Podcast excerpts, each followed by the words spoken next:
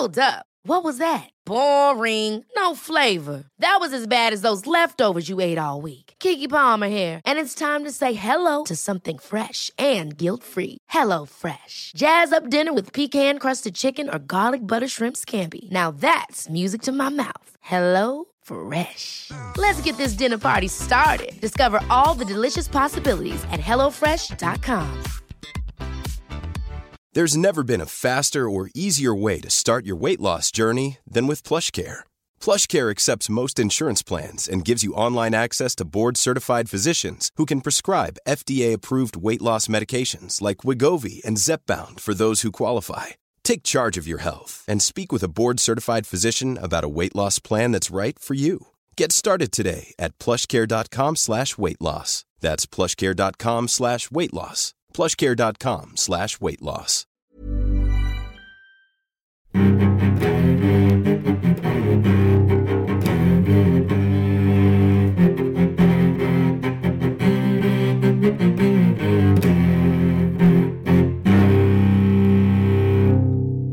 CSR-podden med Åsa Stenborg och Torbjörn Olofsson. Hej och välkomna till CSR-podden där vi för samtal med olika personer som arbetar med CSR-frågor och hållbarhet. Och, eh, du ska snart få höra ett samtal med Johan Ununger som tidigare var vd för Salt och Kvarn. Och eh, att bjuda in honom det är lite grann ett avsteg från våra egna regler, Åsa, eller hur? Finstilt med framgång, finstilt avsteg med ett framgångsrikt avstånd. Ja, men dels är han ju inte vd längre på nej, Salt och Kvarn. Nej, och vi var ju, ville bjuda in honom för att titta på framgångshistorien som Salt och Kvarn har varit. Den där produkten som var en kufisk hälsoprodukt till att bli en i var mans hand och känd produkt. Ja, lite nyfikna på vad han gör idag och så också. Ja, och väldigt nyfikna på vad han säger om svensk livsmedel. För att vi har ju gjort ett gäng intervjuer nu när det handlar om mat och han är på något sätt ändå en, mat, en erfaren matkung. Mm. Och fick vi fram det vi ville? Det var ett väldigt roligt samtal och fick fram mycket mer. Bland annat så jämför vi räkor och eh, broccoli, om ja. de båda får i levande varelser. Och han anser att kon är en av de mest fantastiska produkter som finns. Hej och välkommen Johan! Hej! Eh, när man läser på om dig så, så, är det ju två saker som man slås av. Det, det, ena är att du har ett starkt engagemang och kunskap om miljö, kanske ännu mer om, om eh, odlad mat. Och det andra är din förmåga att kommersialisera, det vill säga att sälja kunskap och produkter som utbildare, konsult och företagsledare. Eh, känner du igen dig i den beskrivningen? Ja, det kan jag väl göra. Vi ska inte argumentera emot det för mycket. Det stämmer väl ganska bra, ja. kanske. Du steg in i arbetslivet som doktor i skogsgenetik. Kommer du ihåg den? Det kommer jag ihåg. Ja, det kommer du ihåg. Ja. Bra. Eh, vad gjorde att du lämnade skogen och gick till maten istället? Alltså, eh, nej men jag var ju väldigt intresserad av att läsa biologi. En, en gång i tiden så jag blev tidigt intresserad av miljöfrågor och såg det här med, så läste någon bok som heter Noaks ark har strandat i gräs. Där skulle jag bli parkvakt i Serengeti, bestämde jag mig för. Mm. Eh, hur, hur gammal är du då nu? Då är jag väl, ja men då börjar jag bli tonåring i alla fall. Eh, så, sånt där. Och då vill man läsa biologi och så läser jag biologi eh, och, och så är, är det, det var jätte jättekul på sitt sätt och man lärde sig massa saker men som man kanske inte har så mycket nytta av i arbetslivet. Men så hamnade jag på Skogis bara. De ville ha hjälp med någonting där. Och så hamnade jag där och så blev jag doktorand där. Och, så, och vad är Skogis nu bara för Skogshögskolan i, i det, vad det nu har tagit vägen. Men då det låg ju först i Stockholm men sen flyttade till Umeå men några institutioner stannade i Uppsala och där hamnade jag i skog, på skogsgenetik. Och det är en bit av, eh, vad heter det? Ja, Sveriges, lantbruks, Sveriges lantbruksuniversitet helt enkelt. Ja, det. Och så där var jag ett antal år. Och sen, vad, vad, vad, var din fråga egentligen? Egentligen, varför gick du från skog till mat? För det logiska ja. är ju på en så här, skog är ett jättestort område och potentialen att fortfarande tala skog är ju jättestor. Men det känns som du har eh, sadlat dig mot mat istället för skog. Hoppet där. Ja, just det. det. det. är nog inte så medvetet, men skog är jättesvårt att jobba med om man i alla fall var det, om man inte är jägmästare. Mm. Det är en väldig, alltså det var bara hundra år sedan, nu säger jag att det bara hundra år sedan som, som jägmästaren hade uniform. Eh, och, och det är en väldigt stark kåranda. Och är du inte jägmästare, har du inte supit i bastun i Garpenberg och strupit en älg eller något sånt där så, så, så är du inte med i gänget liksom. Och då är det en hopplös bransch att jobba med. Så, så ser jag på det. Det är, helt, säkert Är det helt fortfarande så, tror du? Vet inte, det var det då. Jättespännande. Och du, du funderar aldrig på att bli jägmästare, så du kom med i gänget? Strup, strypa en älg? Ja. Alltså nej, jag, jag hade den tvivelaktiga förmånen att vara på lite exkursioner i, i Norrland och sådär med, med jägmästarstudent. För jag läste ju ändå lite sådana här kurser. Jag ska väl inte ta, jag vill inte dra alla över en kam, men de kunde liksom komma fram till ett, skog, ett plöjt hygge och bara jubla av liksom glädje att vi nu har våldfört oss så hårt på naturen. Det här är ett, en riktig, alltså det var som ett våldtäktsgäng som gjorde vågen. Nej, men jag, jag satt kvar ofta, satt kvar i bussen och mådde dåligt. Men nej, det inte var inte för mig. Jag var ju fältbiolog, liksom tidigt fältbiolog och sådär. Eh, och tyckte ju att eh, skogsbruket och skogsbrukets företagen var, var bovar i dramat. Liksom. Det var ju så jag började också, att jag eh, såg det här mm, som fältbiolog. Man såg, kom, vi kom till en sjö en morgon, det glänste så vackert i den där sjön. Och så kom vi närmare och så sa ja, men vad är det som glänser? Ja, det, det är döda fiskar som ligger och flyter. Och vad är det som ligger? Ja, men det är ju en liten industri i närheten. Okej, och där ser vi han som är boven i dramat. Han kör iväg i sin Mercedes så han är fetlagd och skallig och vi kallar honom förstås för den feta direktören. Och skulle vi bara bli av med honom så skulle hela grejen lösa sig. Det var, det var inte så långt från 68 det här. Det är ju några år efter 68, men den, den synen som då härskade var ju att de här gubbarna var onda. Och, och, och där var ju jag också lite, även när jag var på Skogis, fortfarande. Men, men intressant är när jag får mitt första jobb som konsult, då är det för E SCA. Och det, så, det blev så många intressanta frågor i det du berättade nu. Mm. För nu måste jag ju liksom ändå zooma ut och säga att du är ju före detta direktör nu från Mm. ett kommersiellt företag. Så din, du måste, någonting händer på vägen. alltså och som nu- konsult precis. så Ja, har nej, du ju nej. verkligen jobbat för de stora företagen. Nej, men när jag, när jag, när jag berättar den där historien om, om det här med bovar i dramat, så då brukar jag nu har jag ändrat mig. Och så är det lite kul eftersom jag är uppenbarligen är en skallig och fet direktör. Och, och, Det var, det var var. jag som gjorde den liknelsen.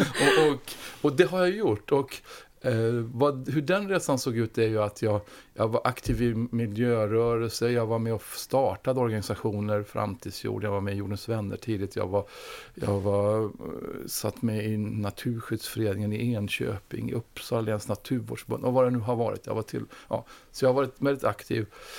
Men sen, och så hade jag doktorerade jag ju 87 var det efter några år i Forest Service, det var liksom det som gjorde det, att jag kunde vara och forska i USA ett tag. Eh, men men eh, då kom jag hem och doktorerar och sen så inser jag att det här är ju inte för mig. Jag är otålig person och forskning är inte något, skogsforskning just, jävla dålig kombo att vara otålig med faktiskt, det, det, eftersom det är så långa omloppstider och så. Så då hamnade jag på en högskoleutbildning som heter IOR, Institutet för högre reklam och kommunikationsutbildning.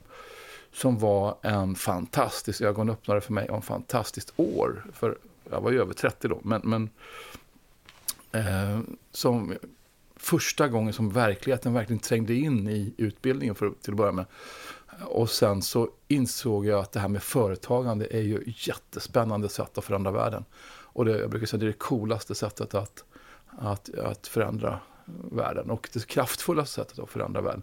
Så då blev jag helt tagen av det helt enkelt under den utbildningen, så får man nog se det. Eh, och, och insåg att eh, det här, alltså vinst och så, det, man, man, jag har i alla fall tillåtit mig att se det så, som en restriktion i verksamheten. Det är något man måste ha. Jag brukar säga att det är lika det är lika osex, man måste följa lagen, man måste göra vinst. Och det är lika osexigt att ha båda de där som mål, så att säga, eller som Mm. drivkraft i verksamheten. Vi finns för att följa lagen, eller vi finns för att göra vinst. Utan man, hela grejen är ju att man måste ha ett, ett syfte som man ska, eh, som man, ett, som man ska maximera. Men, men du, du säger- beskriver att det var en ögonöppnare för dig på utbildningen. Eh, Och, och från den blev du konsult, var det så? Nej, inte riktigt sant så, utan då, då blev jag, när den där kursen var på, det där året var på väg mot sitt slut, då hörde de av sig, då hade Eh, man bestämt att man skulle göra något av Stora Skuggan, slott, eh, Kungliga Djurgårdsförvaltningen och sådär. Skulle, man skulle få upp folk från södra Djurgården till norra Djurgården som är vid Stora Skuggan. Det vet inte stockholmare mm. riktigt, de blir förvirrade när man ser norra Djurgården. Men, men, mm. men det heter så. och, och eh, där byggde man då ett Naturens hus som med, med Apple som sponsor och så det skulle vara modern informationsteknik. Där, 89 är vi nu. Vi nu. Mm. Och då ville man ha mig som chef där. Och jag tyckte väl det där var lite futtigt, för har man gått IOR så blir man ganska uppblåst. Man blir verkligen kung i baren liksom. Och ska ta över. Man, vi, vi är, det är en väldig gruppkänsla om man blir. Men så sa de väl vid mig att ja, vi kan fixa bostad på Djurgården också. Vilket visade sig senare inte vara sant. Men, men det, det, det, det var ett bra säljargument. Det var definitivt ett säljargument. Okay. Så då tog jag det här jobbet som chef på Naturens hus. Som då var Uh, hårt sponsrat på olika sätt, för det kunde man göra på 80-talet, men då var 80-talet slut och hela den här sponsringsvågen var slut. Så det var, var ett jättejobb att finansiera det där sen eftersom det inte fanns något. Men då, då var det, det var en naturskola, det var mycket natur och miljö, men det var information, det var en utställning. Men det som var unikt var ju att det var också en utställning med modern informationsteknologi i termer av Apple-datorer som man kunde peka på och så sjöng fåglar och man kunde se hur inlandsisen har försvunnit och sådär. Och då var vi nog coolast i Europa skulle jag säga. Så när John Scully kommer till Sverige, han var, han var chef för Apple då, dessvärre var, var det inte Steve Jobs som var det då, men han, då kommer han direkt till Naturens hus. Mm. Så jag fick hans visitkort och träffa han och hans dotter där som tyckte det där var så coolt. Mm. Så det var, där var jag då eh, 89 till ja, 94 någonting. Eh, för då 94 så får jag, eh, är det nå, eh, en reklambyrå. Eh, Svante Hultqvist var en reklamare som hade en reklambyrå. Han, han ville göra en utbildning också för, för reklamare och marknadsfolk i miljö. Och då var jag med och drog, och drog igång den. Så att man, vi hade en 100 timmars utbildning för, för marknadsfolk där som var jättebra. Men i den vevan fick vi också, via Svante Hultqvist, så fick jag vara med och ha, jobba med SCA som då en utbildning för eh, SCA i miljö och ekologi och sådär. För deras managementfolk i, i, i Europa. Vilket var, det var liksom, och då fick jag bilda firma och sådär. Men du behöll din passion för miljöfrågorna ja. Eh, trots ja, men, den här kommersiella insikten du hade fått. Ja, men, nej, men, eh, Tack vare den ja, kommersiella insikten. Ja, men ja, precis. Det som är, det som är coolt och skillnad, skillnaden mellan alltså business eller, och näringslivet och ideella, den ideella världen, mm. det är att i den ideella världen så kan man sitta där med sin egen agenda och man kan ha olika uppfattning om det går bra eller dåligt i en verksamhet. Mm. Det är ju ingen slump att många av de här ideella organisationerna är jävla taskiga arbetsmiljöer. För att man liksom har sina olika drivkrafter. Medan i, i ett företag så har du åtminstone resultat och balansräkning som någon slags grund att utgå från. Och mm. som, om, och som man då är en dimension som är viktig att ha och där man kan vara överens om det går bra eller dåligt. Mm. Och det, det, det, är en jätteviktig skillnad. Eh, som gör det stabilare så att säga att jobba i ett företag. Dessutom så är det att jobba i en ideell sektor med hela den demokrati grejen är lite tung när det lockar folk som inte alltid har alla bestick i lådan och man måste ändå hantera människor varsamt och kärleksfullt. Och det måste man också i ett företag, men inte på samma sätt. Då, om man hoppar fram lite grann, eh, då har du bildat konsultbyrå som ja, heter då, Ununge och Renfeldt. Ja, först var det bara den här eh, eh, firman som kunde ta lite, jag tror det hette Ununge miljöutbildning eller något. Ja. Men då var jag också på deltid kvar på, på Naturens hus. Och där, Naturens hus hade Konsum som sponsor. Mm. Både KF och Konsumentföreningen. Det, det där är ju en lång historia hur de har. Men det det har vi rätt ut. Vi har intervjuat ja. Coop. Bilden är klar. Vi kan starta. Men du, du så... och, och, då, och då i alla fall, då, tack vare det så fick jag en, kom, kom jag, träffade jag Peter Westring som då var vd för det som var Gröna Konsum, men alltså en ny kedja bildades 95 med massa föreningar som slog ihop sina butiker. Mm. Eh, och han hade varit med på ett eh, projekt på Ingenjörsvetenskapsakademin som hette Miljödriven affärsutveckling. Som McKinsey ledde. Och Leif, Leif Johansson, Electrolux-chef var han då, ledde, han var projektledare för det.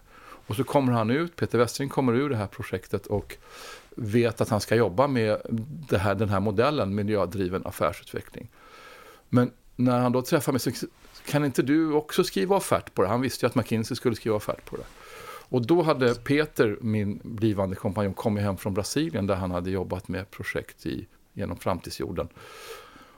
Och då tog, ja, men då tog vi den där bollen och tack vare att jag fick pola ihop mig med honom så så satt vi på fik i Stockholm och skrev offert på det där jobbet. Det är väldigt modernt. Ja, ja det, var väldigt, det var väldigt modernt. Ja, sitta på fik och skriva offert. ja, det, jag, och jag tror att den var på över 700 000 bagis eller något, den där offerten var ju helt... Och så kallar vi den då för sila kamelerna, alltså utifrån att man inte ska sila myggor och svälja kameler. Eh, och så skulle vi ju ha ett namn på det där när vi... Och, och så fick vi, vad ska vi kalla oss då? Vi hade ju inget bolag. Vi kallar det för Unager och Renfeldt. Det är ju det vi heter. Och så får vi väl fixa ett bolag som heter det helt enkelt. Mm. Och så skickade vi in den där och vi visste ju också att McKinsey skickade in en jätte... Så ni skickade in en offert på ett bolag som inte fanns? Det gjorde vi faktiskt. vi hade en ambition att bilda det. så att, eh, men då, och då vet jag ju att de flög ju in Hollands miljöminister och allt möjligt för att få det här jobbet. För det var verkligen en ny aveny för dem att gå in i. Men vi fick det. Och eh, fick ju då ett, då hade också Konsum, eller KF hade övergivit ett helt, ett helt våningsplan där vid Slussen så vi fick ett helt våningsplan. fick ju anställa någon person och sådär. Och eh, gjorde vad jag skulle säga är den bästa analysen av ett, en dagligvarukedjas ekologiska fottryck och fotavtryck som någonsin har gjorts. Nej, men då, och nu är den vadå, 30 år gammal och du står fortfarande vid det? Det är vad den Nej, inte 30 va? 95, 20. vad fan blir det? 20. Är ja, det är ju i alla fall. Över 20. Uh, 96 var väl det där, började det bli klart. Um, nej, men då, och, och, vi jobbade med jätte... Peter Westring var en väldigt bra, bra chef där. Jag umgås med honom fortfarande för övrigt. Uh, och, um, då gjorde... Och, på ett, vi, vi klassade hela sortimentet i, i någon slags ekologiskt perspektiv. Det vill säga, vad var det? Vi skiljer om det är en burk eller en torkat eller fryst eller så. Vad är det? Vad kommer det ifrån? Liksom? Och så buntar vi ihop allt det där. Och så var det 400 000 ton mat. Och vad är de stora frågorna? Vad är de stora avtrycken när man säljer 400 000 ton mat? Och vad ska man... Vad är de strategiska frågorna? Och då följde vi helt enkelt den här modellen som IVA hade, Ingenjörsvetenskapsakademin, hade utarbetat. Som fortfarande jag kan liksom använda mig av mm. i vissa sammanhang. Mm. Eh, så att, och, då, och där satte vi igång helt enkelt. Och då, då bildade vi ju, då, då bildades det bolaget. Mm. Och, ja. och sen så 2002 då eh, då klev du in i Salt och Kvarn. Ja, vi fick ett... Nu hoppade vi fram lite grann. Jag hoppade fram lite. lite. Eh, på vägen där har jag suttit som miljöchef i, i, i Vin och Sprit, och, mm. vilket var jättekul. Men sen fick vi ett uppdrag, faktiskt via Peter Westring också, för Peter Westring, den här konsumchefen, han han fick gå från Konsum, han var alldeles för bra skulle jag säga. Så han drog igång det här med glitter och sånt, etablerade han istället. En, en sån här bijouterikedja. Han, han kunde sånt helt enkelt. Men han satt i Salt och Kvarns styrelse och tog kontakt med oss och mig för att hjälpa Salt och Kvarn i en aktieemission. Mm. Och, och, då eh, jobbade vi med det och sen när den var klar då fick dåvarande vd nytt jobb och så hoppade jag in som en nödlösning brukar jag säga. Och hur såg Salt och Kvarn ut på den tiden? Salt och Kvarn omsatte väl lite drygt 25 miljoner. Uh, och var en kvarn och ett bageri. Allt som såldes producerades på plats i Järna. Kontoret brukar jag lite sådär skämtsamt säga. Det bestod av en ordertjej och en ekonomitant. Och de var osams och satt i olika byggnader. Och så. Så där, där kom jag och, och, och fick lite panik faktiskt första dagarna när jag satt där. Det, uh, lite ensam, inte ensam och övergiven precis, men, men en helt ny... Alltså som konsult, vi var väl kanske ett tiotal konsulter i Uno och Renfeldt när vi var som flest. Och vi, då är man ju... Man ser på världen på väldigt lika sätt då. Eh, på gott och ont. Mm. Uh, men här var det ju väldigt olika hur vi såg på världen. Bland bagare och, och mjölnare och så. Och hur skulle du säga att inställningen var till och intresset för hållbarhetspräglade livsmedel vid den tiden? I Sverige och utanför Sverige? Alltså det, det fanns ju där. Det är ju... Eh, och, men men det är ingen, det är ingen, jag, jag anställde fort en, en marknadschef som heter Jan Gustafsson. Han fanns på ett annat företag där Järna. Och vi var ganska överens om att det här med ska vi, vi, kan inte hålla, vi kan inte rikta in det här på att bara säga att det är ekologiskt. Liksom. Det räcker inte som argument. Det är 4% av kunderna som tycker det är viktigt. Utan vi måste tala om smak.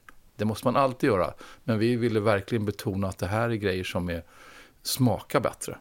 Eh, och, och, eh, och, vi var inte så, när Krav ville ha med oss på mässor och sådär, eh, så, så var inte vi så tända på det. För vi ville inte betona det för mycket, liksom det, hamna i det facket helt enkelt. Mm.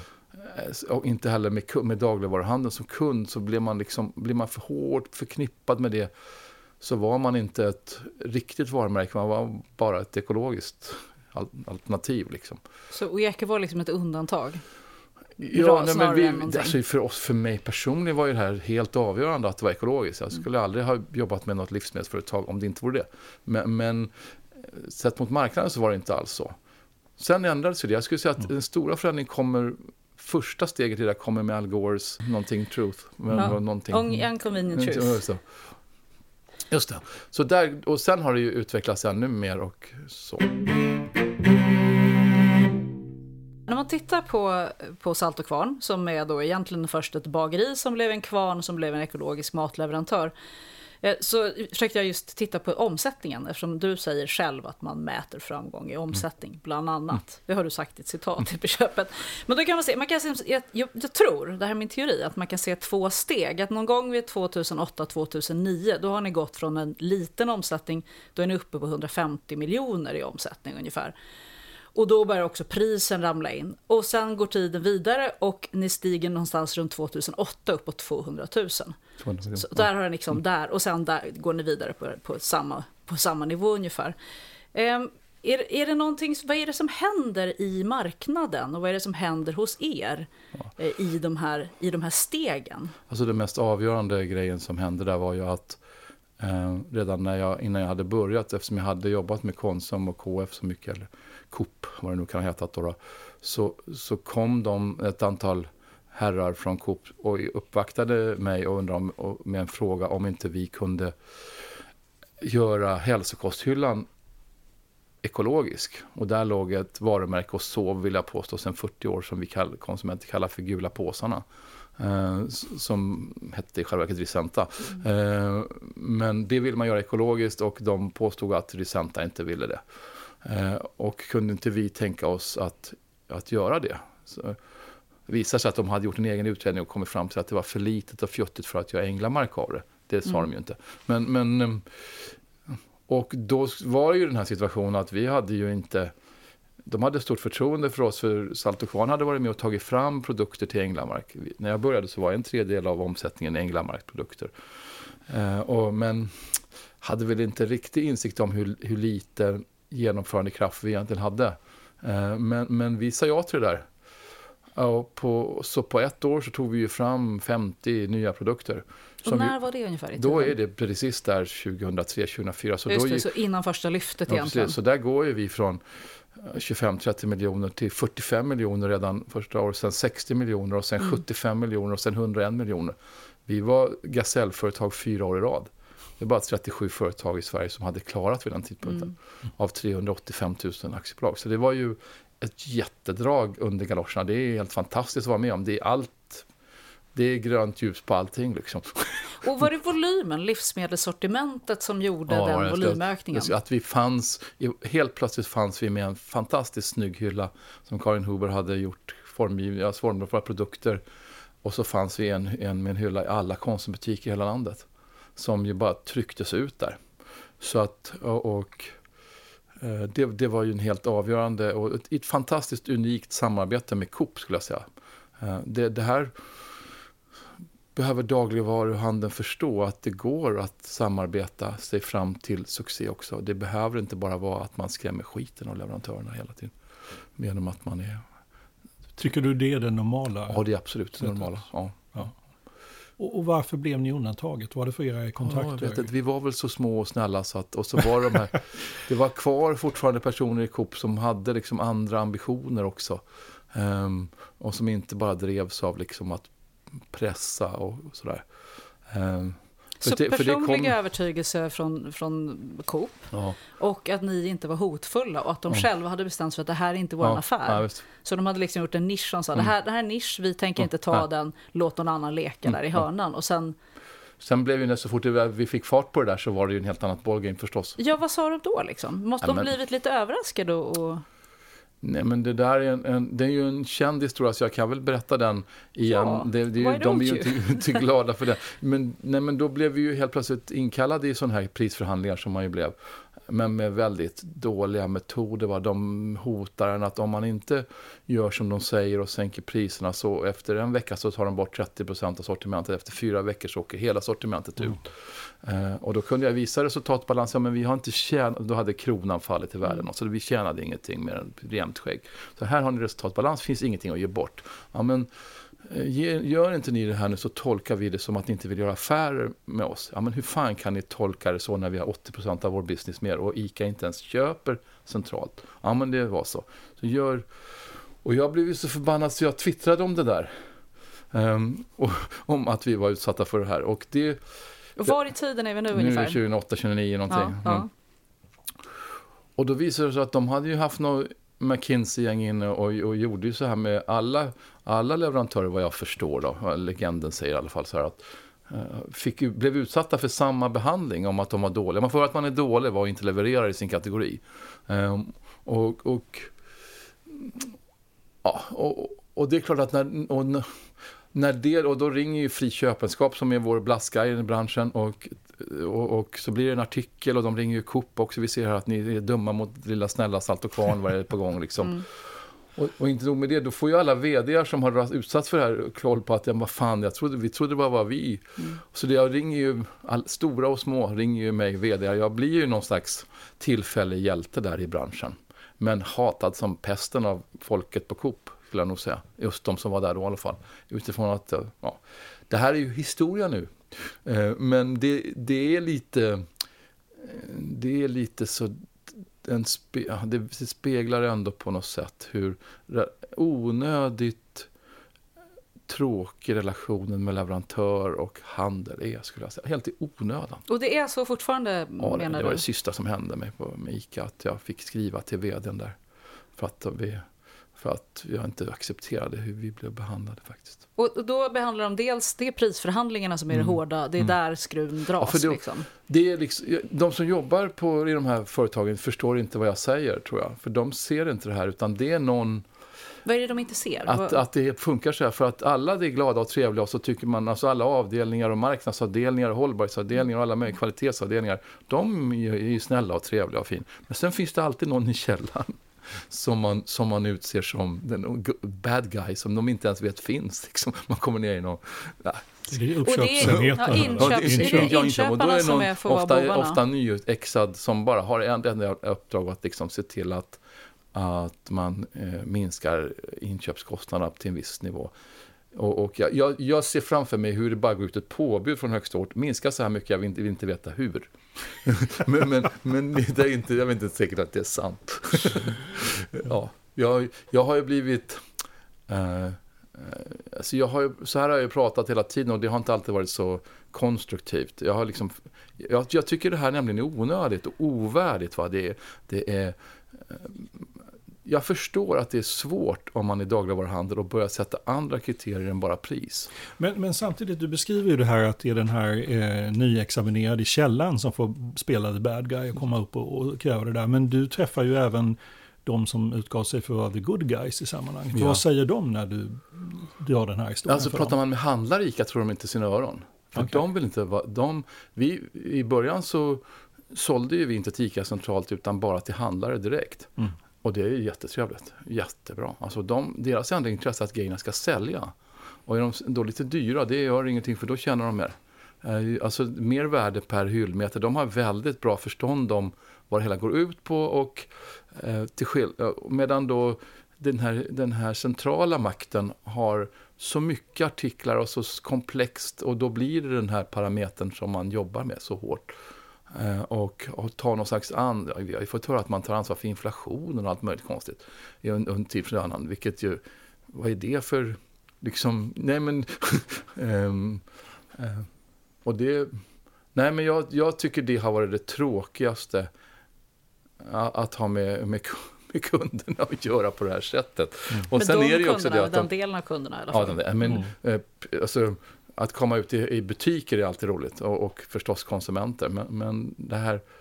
Eh, och sen har man också den här, det är ju inte en helt unik situation, men att våra kunder eh, var ju också våra största konkurrenter i det att så fort något börjar sälja bra så gör man ett eget varumärke av det.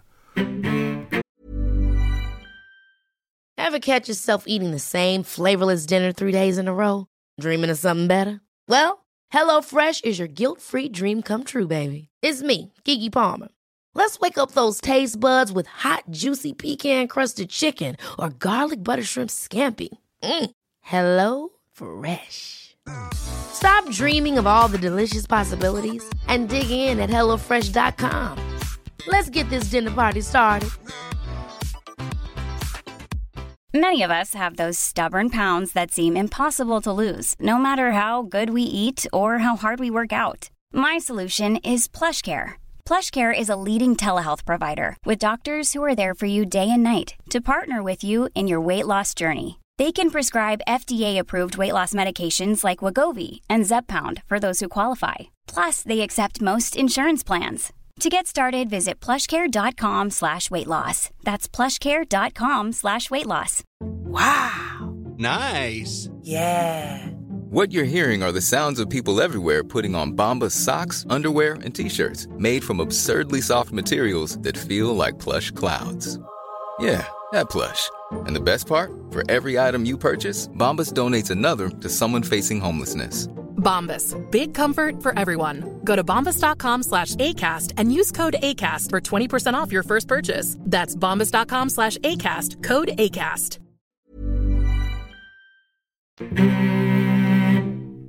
Eh, om, man, om vi återvänder lite till de avgörande strategierna och, och, vägvalen bakom tillväxten. För att det var ju inte bara det att ni hade ett samarbete med Konsum, det var ju också att folk ville ha produkten. Ja.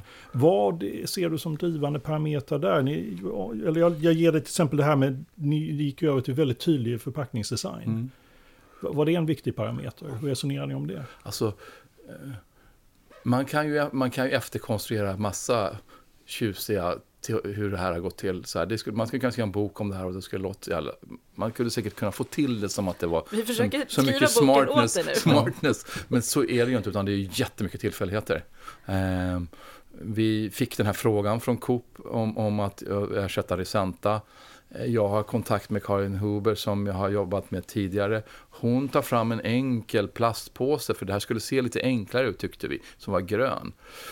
Men då dessbättre Janne Gustafsson som var marknadsförare, tyckte det där var inte så snyggt. Och sen trodde vi att eh, kapslar, det vill säga kartonger, skulle vara för dyrt. Eh, men så kom vi på att nej, men det var det inte. Ja, men, då tog, och så, men den här färgen är inte bra.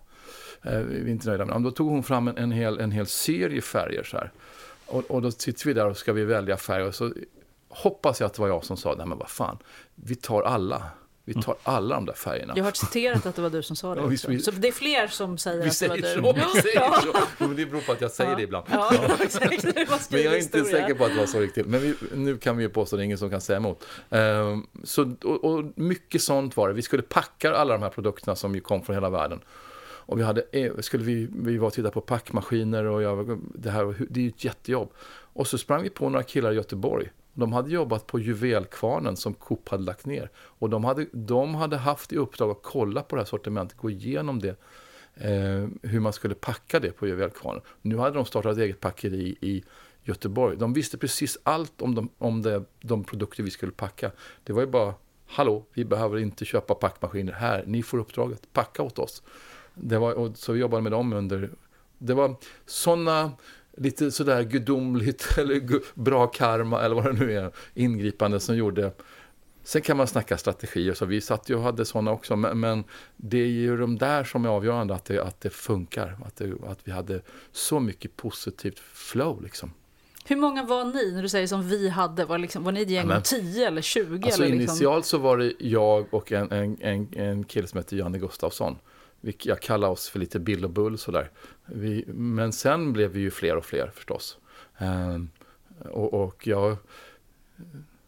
Eh, vi, så, så på slutet här så var vi ju säkert 15-20 personer på kontoret. Sen har vi ju varit olika många totalt i bolaget beroende på om vi har haft egen transportflotta, om vi har haft butiker, mm. om vi har haft alla säljkår eller inte, eller om man har outsourcat den och så. Så det har ju åkt lite upp och ner.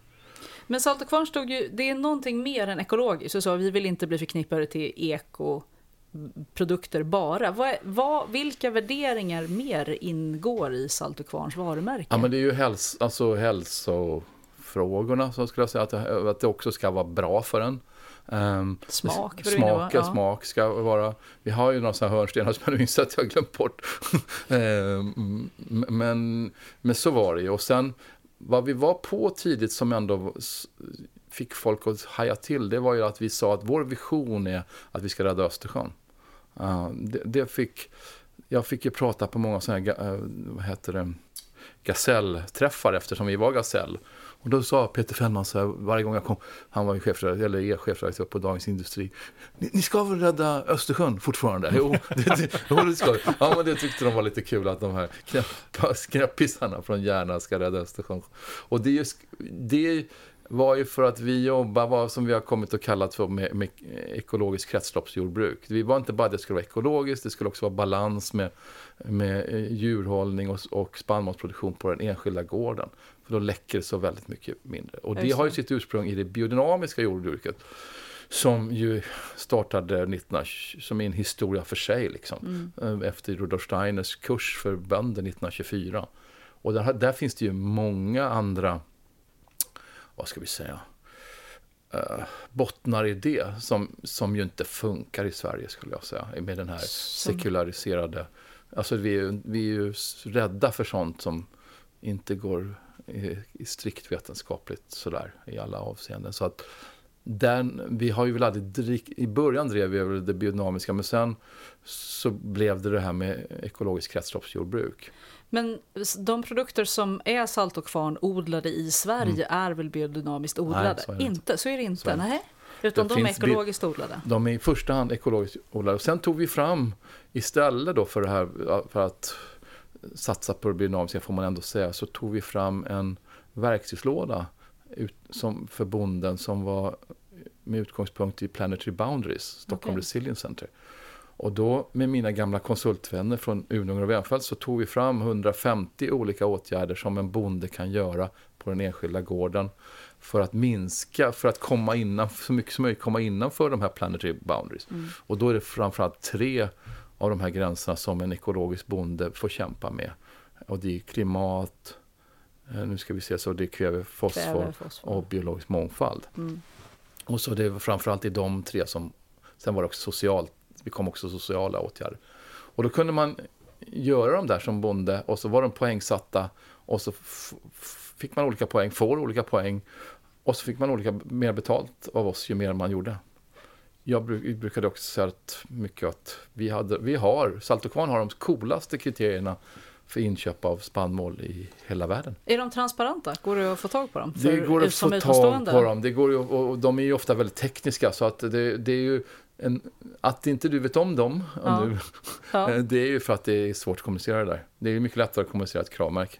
Eh, men, men under den där tiden så blev vi ändå utsedda till Sveriges mest hållbara sustainable brands av alla varumärken i Sverige var vi ju ett år Sveriges mest hållbara. Ja. Och ni dök upp 2014 eh, från att inte varit med alls. Och ja, det var ju för att de inkluderade er tror jag. Ja, så. Så att, eh... Första året som vi var där, då skickade vi dit lite folk, eh, några stycken. Och det var Åsa som jobbar med hållbarhet och Per som jobbar med försäljning. De var där. Men hon satt och jobbade och sådär. Och sen så kommer det ju upp listorna på hur, hur, hur det hade gått då. då. För det, vi vann inte då, Nej. men vi kom tvåa. Ja, ja, ja. Och så då sa väl Per till oss, du måste nog komma och titta. Tror du att det här gav en trovärdighet? Att ni, ni hade ju liksom tänkt steget längre mm. än någon sorts första label, alltså någon märkning. Utan, och då hade ni verkligen tagit in det och arbetat en egen, hittat, hittat en egen modell som ville mm. komma längre.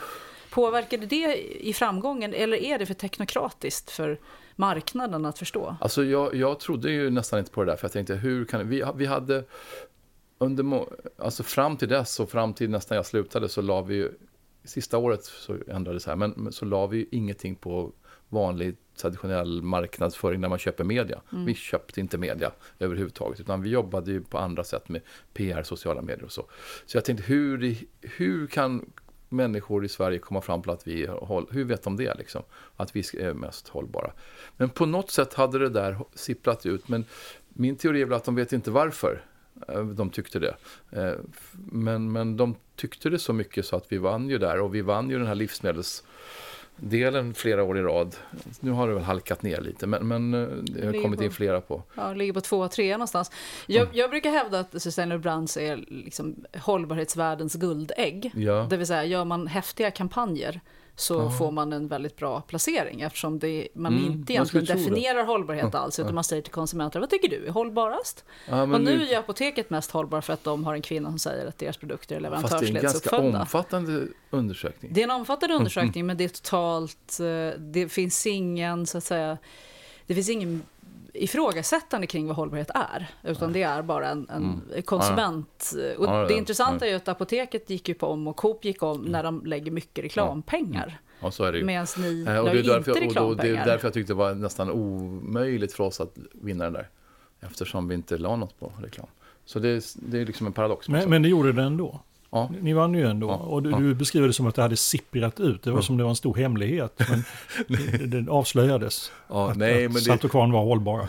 precis. Ja, men det nej, men en sen var det väl det intressant- att vi, inte, att vi inte slog oss för bröstet, utan vi gjorde grejer. Alltså det är väl något sånt. Vi har funnits länge, vi har ju funnits, eh, från 64. Så att, eh, eh, nej men jag tror att det var viktigt att, man, att vi inte faktiskt gjorde reklam liksom i traditionell mening. Gör, man gör ju det väl. Vi har ju valt en reklambyrå här, här borta, bara på Skeppsbron där vi sitter nu. Eh, och, ehm, så vi har, man, det blev ju så till slut att vi valde en reklambyrå i alla fall att börja jobba med. Varför gjorde ni det? Vad var det som gjorde att ni Nej, men det bestämde var ju för att vi må, må, måste nog bli lite mer konventionella var min, var min teori. Att, I den avseende att, att se, kan man... Vi hade ju ett, en jättefin urvalsprocess av reklambyråer. Vi, var ju, de, vi bjöd in Stockholms reklambyrå till en frukost i vår butik på Söder. Och då, vi tänkte, det kom väl 25 tänkte vi. Men, men det kom ju 100 eh, personer där den här morgonen. Och sen hade de en torsdag och sen hade de till måndagen på sig att skriva någon intresseanmälan bara. Och då fick vi väl 60 sådana, tror jag, från 60 byråer i, i stan. Och sen hade vi en urvalsprocess där som... Och min hypotes var väl att, eh, att vi skulle hitta någon som kunde hitta, ändå förstå vilka vi var och göra något kul av det. Sen har, har det ju gått dåligt några år, så vi hade ju inte så här jättestor budget och så. Så att jag tycker väl inte att det har... De fick ett silverägg tror jag, nu men efter att jag hade slutat. Man gjorde en annons Digitala. u- utan en, Mm. utan e i en lång historia.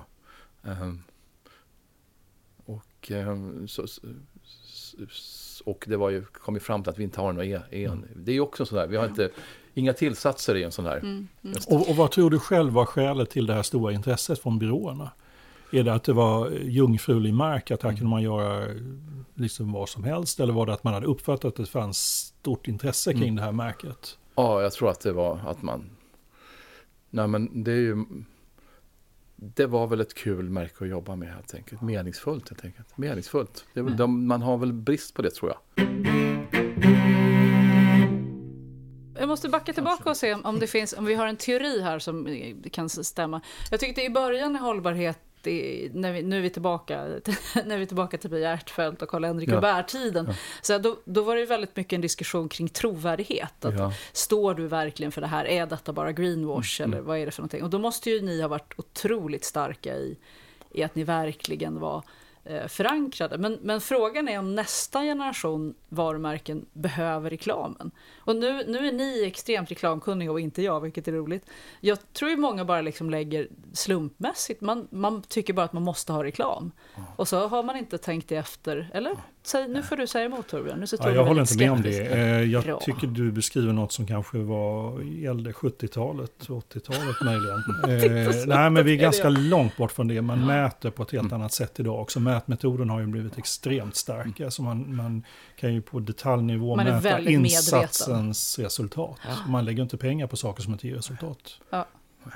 Redan när jag pluggade då, eh, då sa man ju det att ja, men hälf, det är säkert myt. Men hälften av alla pengar, av alla sådana här marknadspengbudgetar är bortkastade eller all reklam är bortkastad. Man vet man inte vilken hälft. Och, och, och, det är väl lite sant fortfarande, men jag tror dessutom att man är mycket mer precision. Mm. Eh, samtidigt så, alltså det är ju ingen de här spelbolagen och allt man ser reklam för, det, de vet ju precis eh, hur de ska göra för att folk ska eh, börja spela mer. Alltså det, ja, ja, ja. Så att, sen, men, men, om man skulle ta en parallell, i, idag så ser vi ju eh, Oatly som jag mm. tycker har gjort en, eller håller på att göra lite av en liknande resa som ni gjorde. De går från en kufisk hälsoprodukt till att bli en normprodukt som vi alla känner till. Först var det några utstickare, nu börjar det liksom bli alla alla. Eh, och det är frågan, skulle de ha klarat det utan. De har ju verkligen jobbat med reklam och förpackning ja. på ett väldigt strategiskt sätt. Skulle de kunna göra sam, gjort samma resa som ni gjorde utan reklam? Eller har det blivit tuffare på marknaden? Jag tror att de skulle kunna göra det. Jag tror att de... Eh, det kanske inte, men alltså de har ju sin strid med Arla som är, är bra att ha. Eh, de har sitt sociala medier, de har ett jättestarkt gäng på sociala medier som, som följer dem och som attackerar Arla och så. Eh, och, eh, så de är lika värderingsgrundade som ni skulle, Jag tror att eh, nu är ju de jätte, jätte framgångsrika och mm. också exportmässigt och så. Och, och, i någon mening, i den meningen lite konventionellare liksom. Så att, men, men de, jag är inte säker på att, att de säljer så mycket på sin, på sin tunnelbanereklam nu som är eh, det är att jag inte är så förtjust i den heller. Alltså, Gör du Nej, alltså inte. reklamen eller produkten? Nej, ja, ja, nej, ja, inte produkten heller faktiskt. Nej, inte? Nej. Okay. Men det är en annan sak, det är en lång historia. Ja, okej. Okay. Jaha, va, ni måste berätta. Det kan inte bara säga att det är en lång historia, så bara lämna Nej, den. Men, ja, men det, jag tycker kon är en fantastisk. Jaha, du är för kon? Alltså om, om någon kom på kon nu skulle ju den få Nobelpriset. Det är eh, med att, som kan, vi kan släppa upp den i skogen liksom där, och äta sånt som ingen, inte alls människor kan äta. Omvandla det till, till eh, mjölk som du kan göra massa saker av. Du kan, göra, du kan få kött och du kan få gödsel och du kan få skinn. Du kan få allt du behöver av den här kon. Men alla metangaser då? Nej, det är också det är sån mytbildning runt kor så det är ju inte klokt. Du tror inte på metangaserna? Nej, det tror jag inte. Alltså, Herregud, vad spännande! Jag är klimatförnekare. Nej, men jag tror inte, jag tror att kon har en alldeles för oförtjänt. Alltså kon är livsnödvändigt hållbart jordbruk. Jag är helt det, det är helt klockrent för, för att om vi tog bort kon, vad förlorade vi då? Vad, vad, Ja, då förlorar vi hela möjligheten att omvandla sånt som inte vi kan äta liksom, till något som går att äta. Ja, men det finns ju andra djur än kor. Alltså, du har ju får och grisar och getter som ja, skulle kunna göra... grisar är ju värdelösa.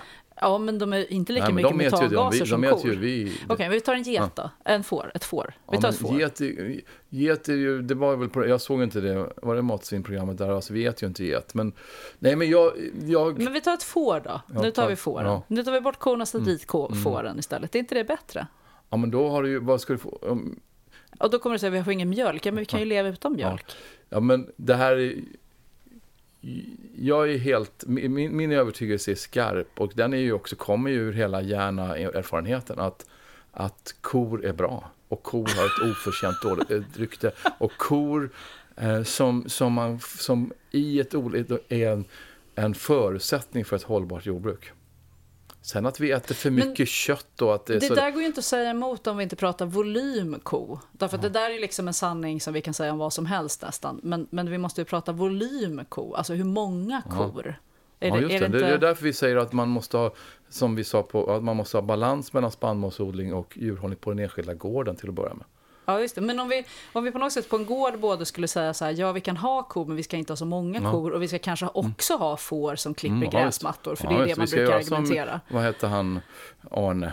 Arnesson, nu tappar jag honom snabbt, förlåt, men, men han, att han som ju, att vi ska ju maximera eller, protein och så vidare. Men koren, jag vill, jag vill säga att kor har en roll i ett hållbart jordbruk. Du är liksom kobajs i förhållande till, mina får får jag ingen, jag får ja, ingen får kan du också. Fåren också. Visst kan du ha får också. Hela eh, Gotland och jag är överens. Liksom. Ja, vi står visst kan du ha får också. Det är väl bara det att det är massa saker du inte får där.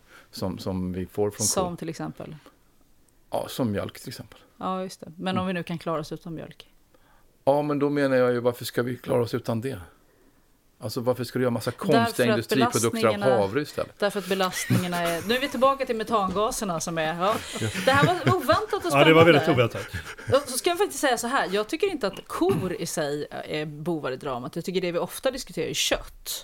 Och sen har ju inte mjölkindustrin i Sverige fått hälften så mycket klimatångest som de kanske borde kunna få. Ja. Alltså man, man pratar om köttet som miljöboven, Mm. vi pratar ju väldigt sällan om mjölk som miljöbov. Och där är ju Oatly roliga för de öppnar ju ögonen på oss konsumenter och omgivningen genom att säga att vi måste i alla fall ifrågasätta volymen kor. Om vi, okej, vi gillar kor, men volymen kor måste vi ifrågasätta. Mm. Eller? Jo då, det är ju som med allting. Att man måste, eh, så här är det ju för mig. Eh, jag, jag, jag tycker det finns massa myter som... Första myten handlar om var saker odlas är, vikt, är viktigt. Det tycker inte jag. Alltså det kom ju fram till när vi tittade på Konsums miljöpåverkan.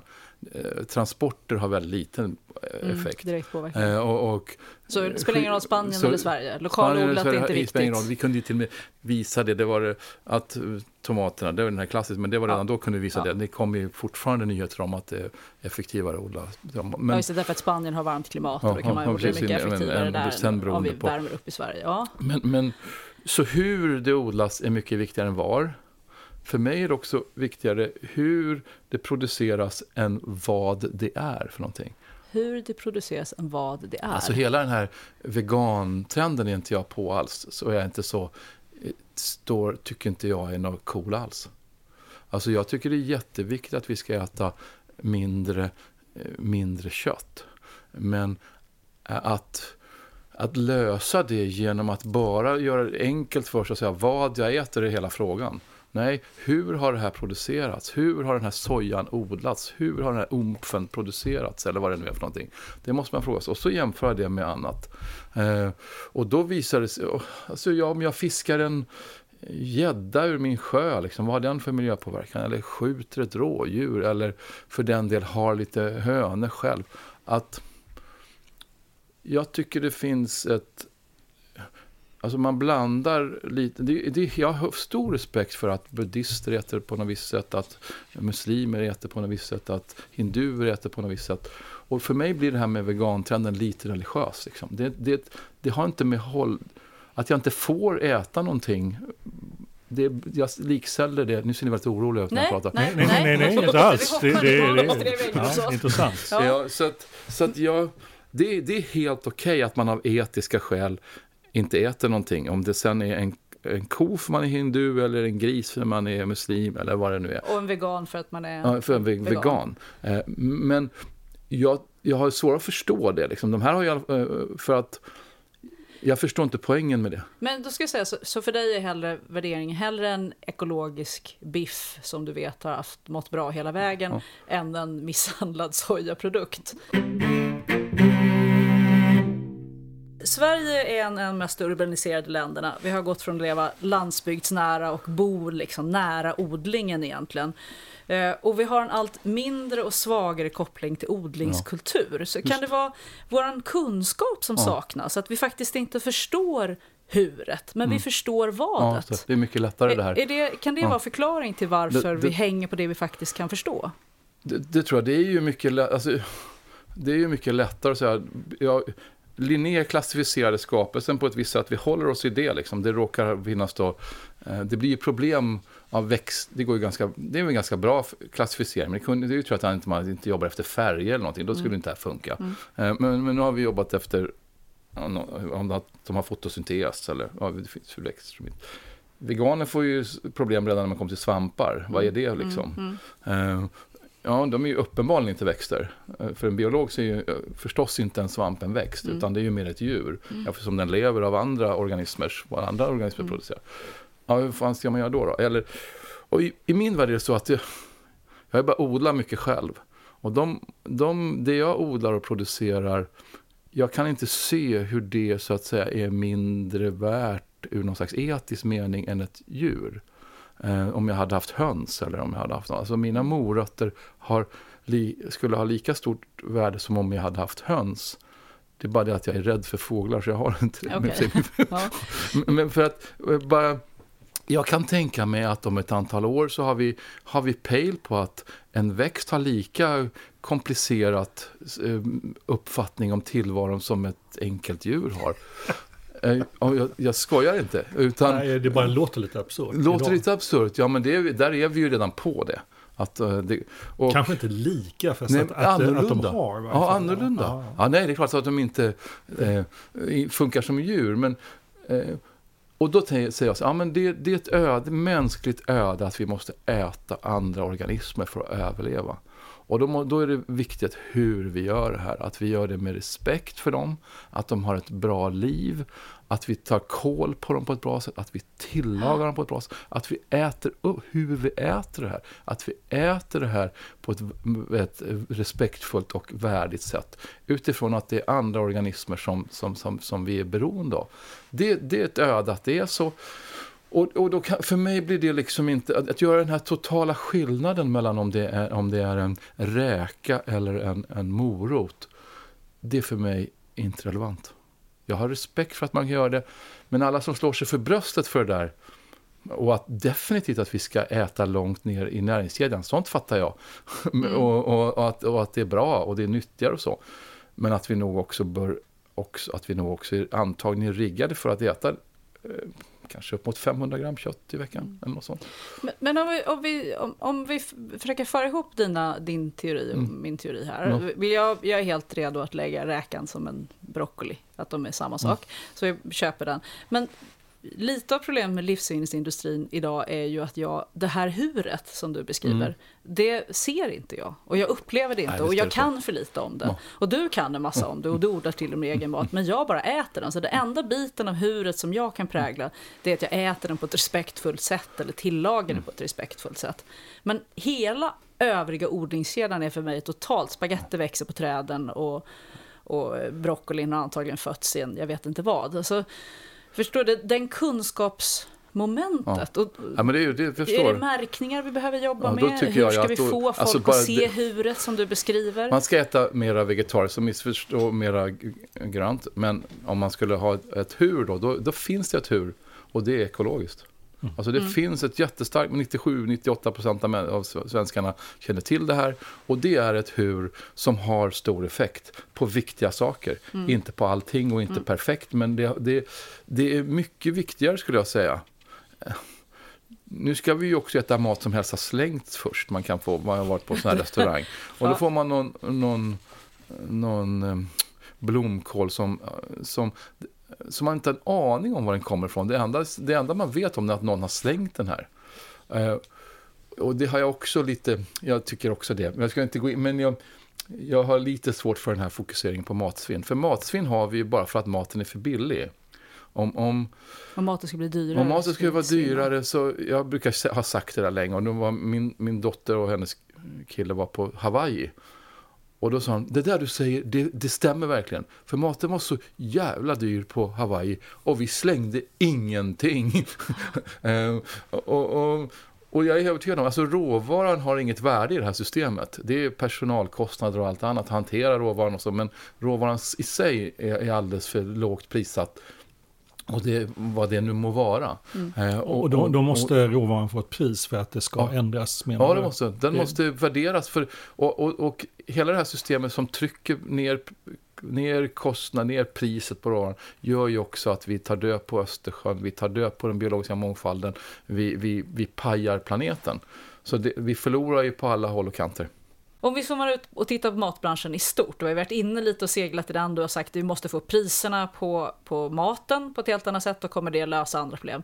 Men om man tittar på spelarna i matbranschen, så säga, bönder, matproducenter, handlare, konsumenter och politiker. Vilken grupp är det som idag har drivet mot hållbarhet? Vilka är det som driver på omställning, tycker du? Alltså, eh, hjältarna utåt sett skulle ju folk i allmänhet tycka är dagligvaruhandeln. Ja. Och, och indus- industrin är ju den onda. Min bild är ju faktiskt helt annorlunda ändå.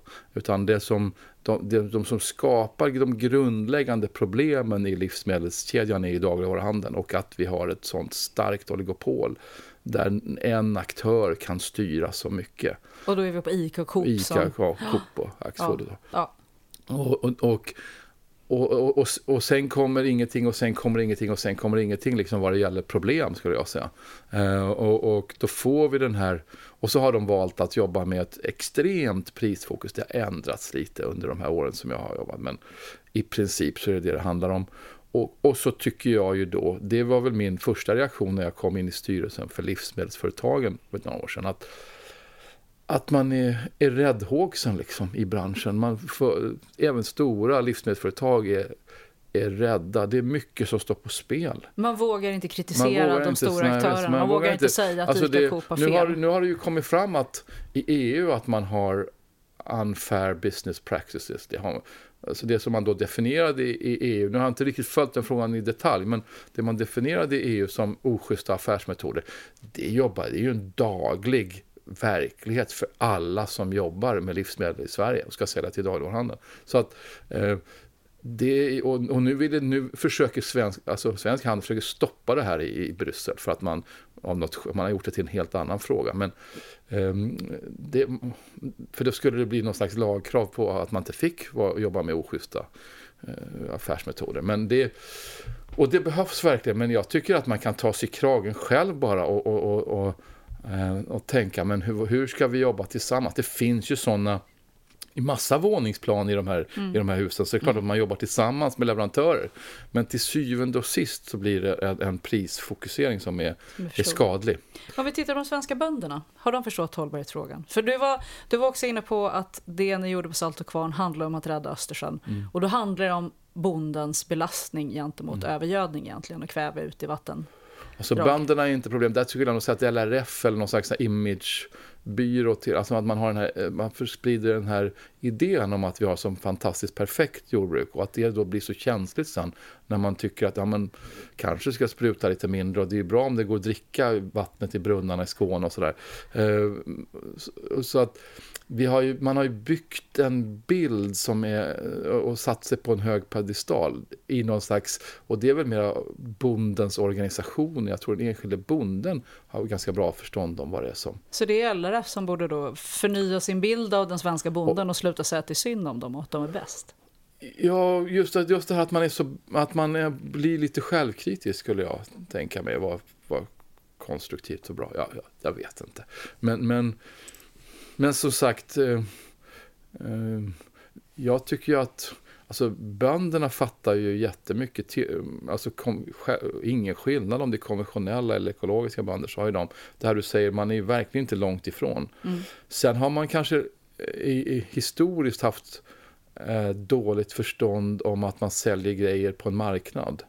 Eh, vilket man ju också kan undra, men, men, över, men, men det är ju en där, att man är van vid att någon kommer och hämtar och så har man då kan man också fråga varför har man byggt upp sådana företag själv liksom som, som ja, man skjuter sig ofta. lite i, i, i, foten av att man är på en världsmarknad ala och sådär. Då blir det helt plötsligt torrmjölkspriserna i Kina som blir avgörande vad man får för betalt och så. Ja. Du, du har ju lämnat Salt och Kvar nu. Ja, det gjorde jag. För nästan precis ett år sedan. Ett år sedan? Mm. Ja, varför det?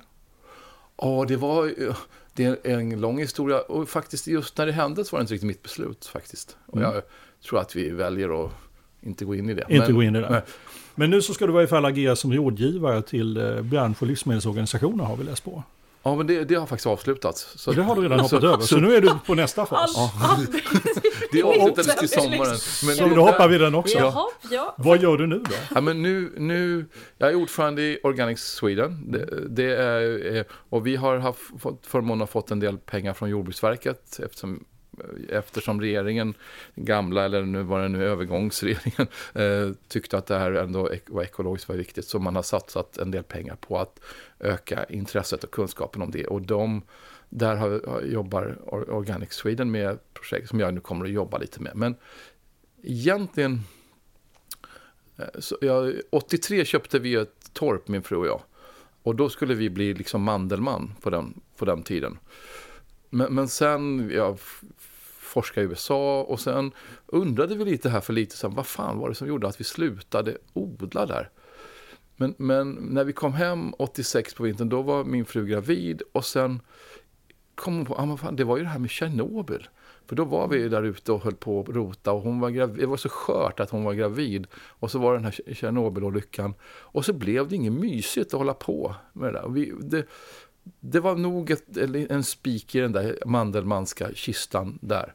Men nu eh, har vi glömt Tjernobyl och jag har haft jättemycket tid och har gått igång totalt på att odla. Jag har två växthus, jag har... Var är vi i Sverige? Nu är vi i Roslagen, mm. Norrnorrtälje. Och jag insåg när jag såg ett aktuellt reportage för lite sedan att jag är med i någon sån här omställningsrörelsen. Insåg jag. Jag visste inte om det. Nej men alltså tagga ner lite för fan och eh, eh, odla själv och, och liksom, jag tror att om vi bara taggar ner lite allihopa så skulle det bli bättre. Det här året vill jag nog påstå är det bästa i mitt liv. Och det här sista halvåret särskilt. Det är det att jag jag får vara i fred säger jag ganska mycket. Så det, det är ju väldigt egotrippat. Är, är det en tillfällig period? Har du en time-out och ska sen komma tillbaka? Nej. Eller? Nej. Nej. Du har loggat Nej. ut? Ja, ja det fan, säg inte det till någon. Men, det, men jag, jag tror faktiskt inte att jag... Eh, jag ser inte värdet i det där liksom. Att jag har inget behov... Jag har, jag kommer att, eftersom jag taggar ner också lite kostnadsmässigt så kommer jag klara mig. Och, och eh, den ekonomiska drivkraften finns inte där. Jag har inget jag behöver visa liksom, upp eller göra. Så Fast du har ju ändå, du, du, det hettar ju till ibland. Du har ju en del frågor som du går igång på. Ja, du har ju även varit ute ganska nyligen och i tidningarna och kallat regeringens förslag att de har huvudet under armen för Ja. skattereduktion Ja. för klimatinsats och så vidare. Så att du, tror du du kommer kunna hålla dig borta från den offentliga debatten? Jag pratar sådär med mig själv. När jag, Den offentliga debatten är ett samtal med mig själv. så att, nej men jag tror inte att jag, jag tror faktiskt det. Ja, jag tror inte att någon vill. Alltså man märker också, det, det är väl det jag märker. Den den här branschen håller ju på och springer iväg utav bara den och så allt, först är ju allt hållbarhet, det kan man ha en åsikter om. Men sen är det ju också, de sa det var, om vi nu var 17-25 personer som, som hade ett, ett, ett, ett, den här vokabuläret aktuellt för oss, säg 100 då, eh, så, så är det ju många, många tiotusentals människor som jobbar med det här nu och, och, och, som, och som har sina kompetenser, så jag behövs liksom inte. Tycker du att det är bra? Har, har det, utvecklingen Alltså jag tycker, Gått att i jag rätt tycker det är riktning? bra. Jag, jag kan ju bli lite så här för min egen del lite undrande liksom. Men, men, men, nej, men det är ju jättebra. Ja, det är ju jättebra att... Sen, sen måste man väl hela tiden förfina lite vad är det man menar nu då och vad är det med det här med hållbarhet och CSR som det här heter. Vad är det för tjänst? Om någon ringer dig och säger du, jag har världens jobb åt dig. Kom in och gör det här. Mm. Vad skulle kunna lura iväg dig från Mm. Roslagen? Ja, det, ja men det är fint. Jag, var, jag gillar ju Jessica Gedin som jag gillar är ett svagt ord. Men, men jag gör det. Och så jag går, går och ser Babel live sådär när de spelar in det. Och, och sen har jag ju haft den här... Eh, vi hade en podd på... Och då tänkte jag när jag det. Ja men skulle, skulle de fråga om jag ville bli programledare? TV-soffan? Ja, någon sån, Ja. För det, lustigt nog så hade de min, min eh, dotters kille sagt när det var någon sån här, bara rätt ur luften sa han det. När, när Bingolotto inte hade någon. Jag tycker du skulle bli programledare för Bingolotto, säger han. och, då, och det är liksom faktiskt... Det är det. Ja, det är faktiskt något jag skulle... Och göra den- den här, det som ni gör nu. Um, vi har gjort två avsnitt. Vi gjorde ett med Lisen och hennes örter och sen gjorde jag med en tjej som har skrivit en bok om gröt. Och, och, och att tvingas läsa den här boken om gröt och sen sitta och snacka med henne om det som var helt grötnördig. Eh, det tyckte jag var jättekul. Men dessvärre fick ju... Så nu är jag inne på att ändå till på nyåret här eh, eh dra igång en, en, eh, en egen podd, en trädgårdspodd. Och sen har jag, jag, jag har ju mina följare på Instagram som otålige odlaren. Kan man följa på Instagram. Eh, och, och, och det har jag också som ett varumärke nu. Jag börjar göra vin och så. så där, jag, det, Så den otroliga odlaren kommer att få en podd. otål- Otåliga odlaren. Otåliga odlaren får kommer en att få podd. en kommer med en Ja. podd. Ja. Och med produkter och sådär. Och då säger jag, jag behöver inte sälja de där produkterna. Jag kan ge bort dem liksom. Så att, eh, jag behöver inte ha några intäkter. Jag känner att vi kommer att ha en uppföljare på den här podden i Roslagen tillsammans. På något torp. Något av våra tre torp kan vi sitta Eh, på. Johan, stort tack för ett eh, superspännande och kul samtal. Ja, tack för att ni bjöd in mig. Tack.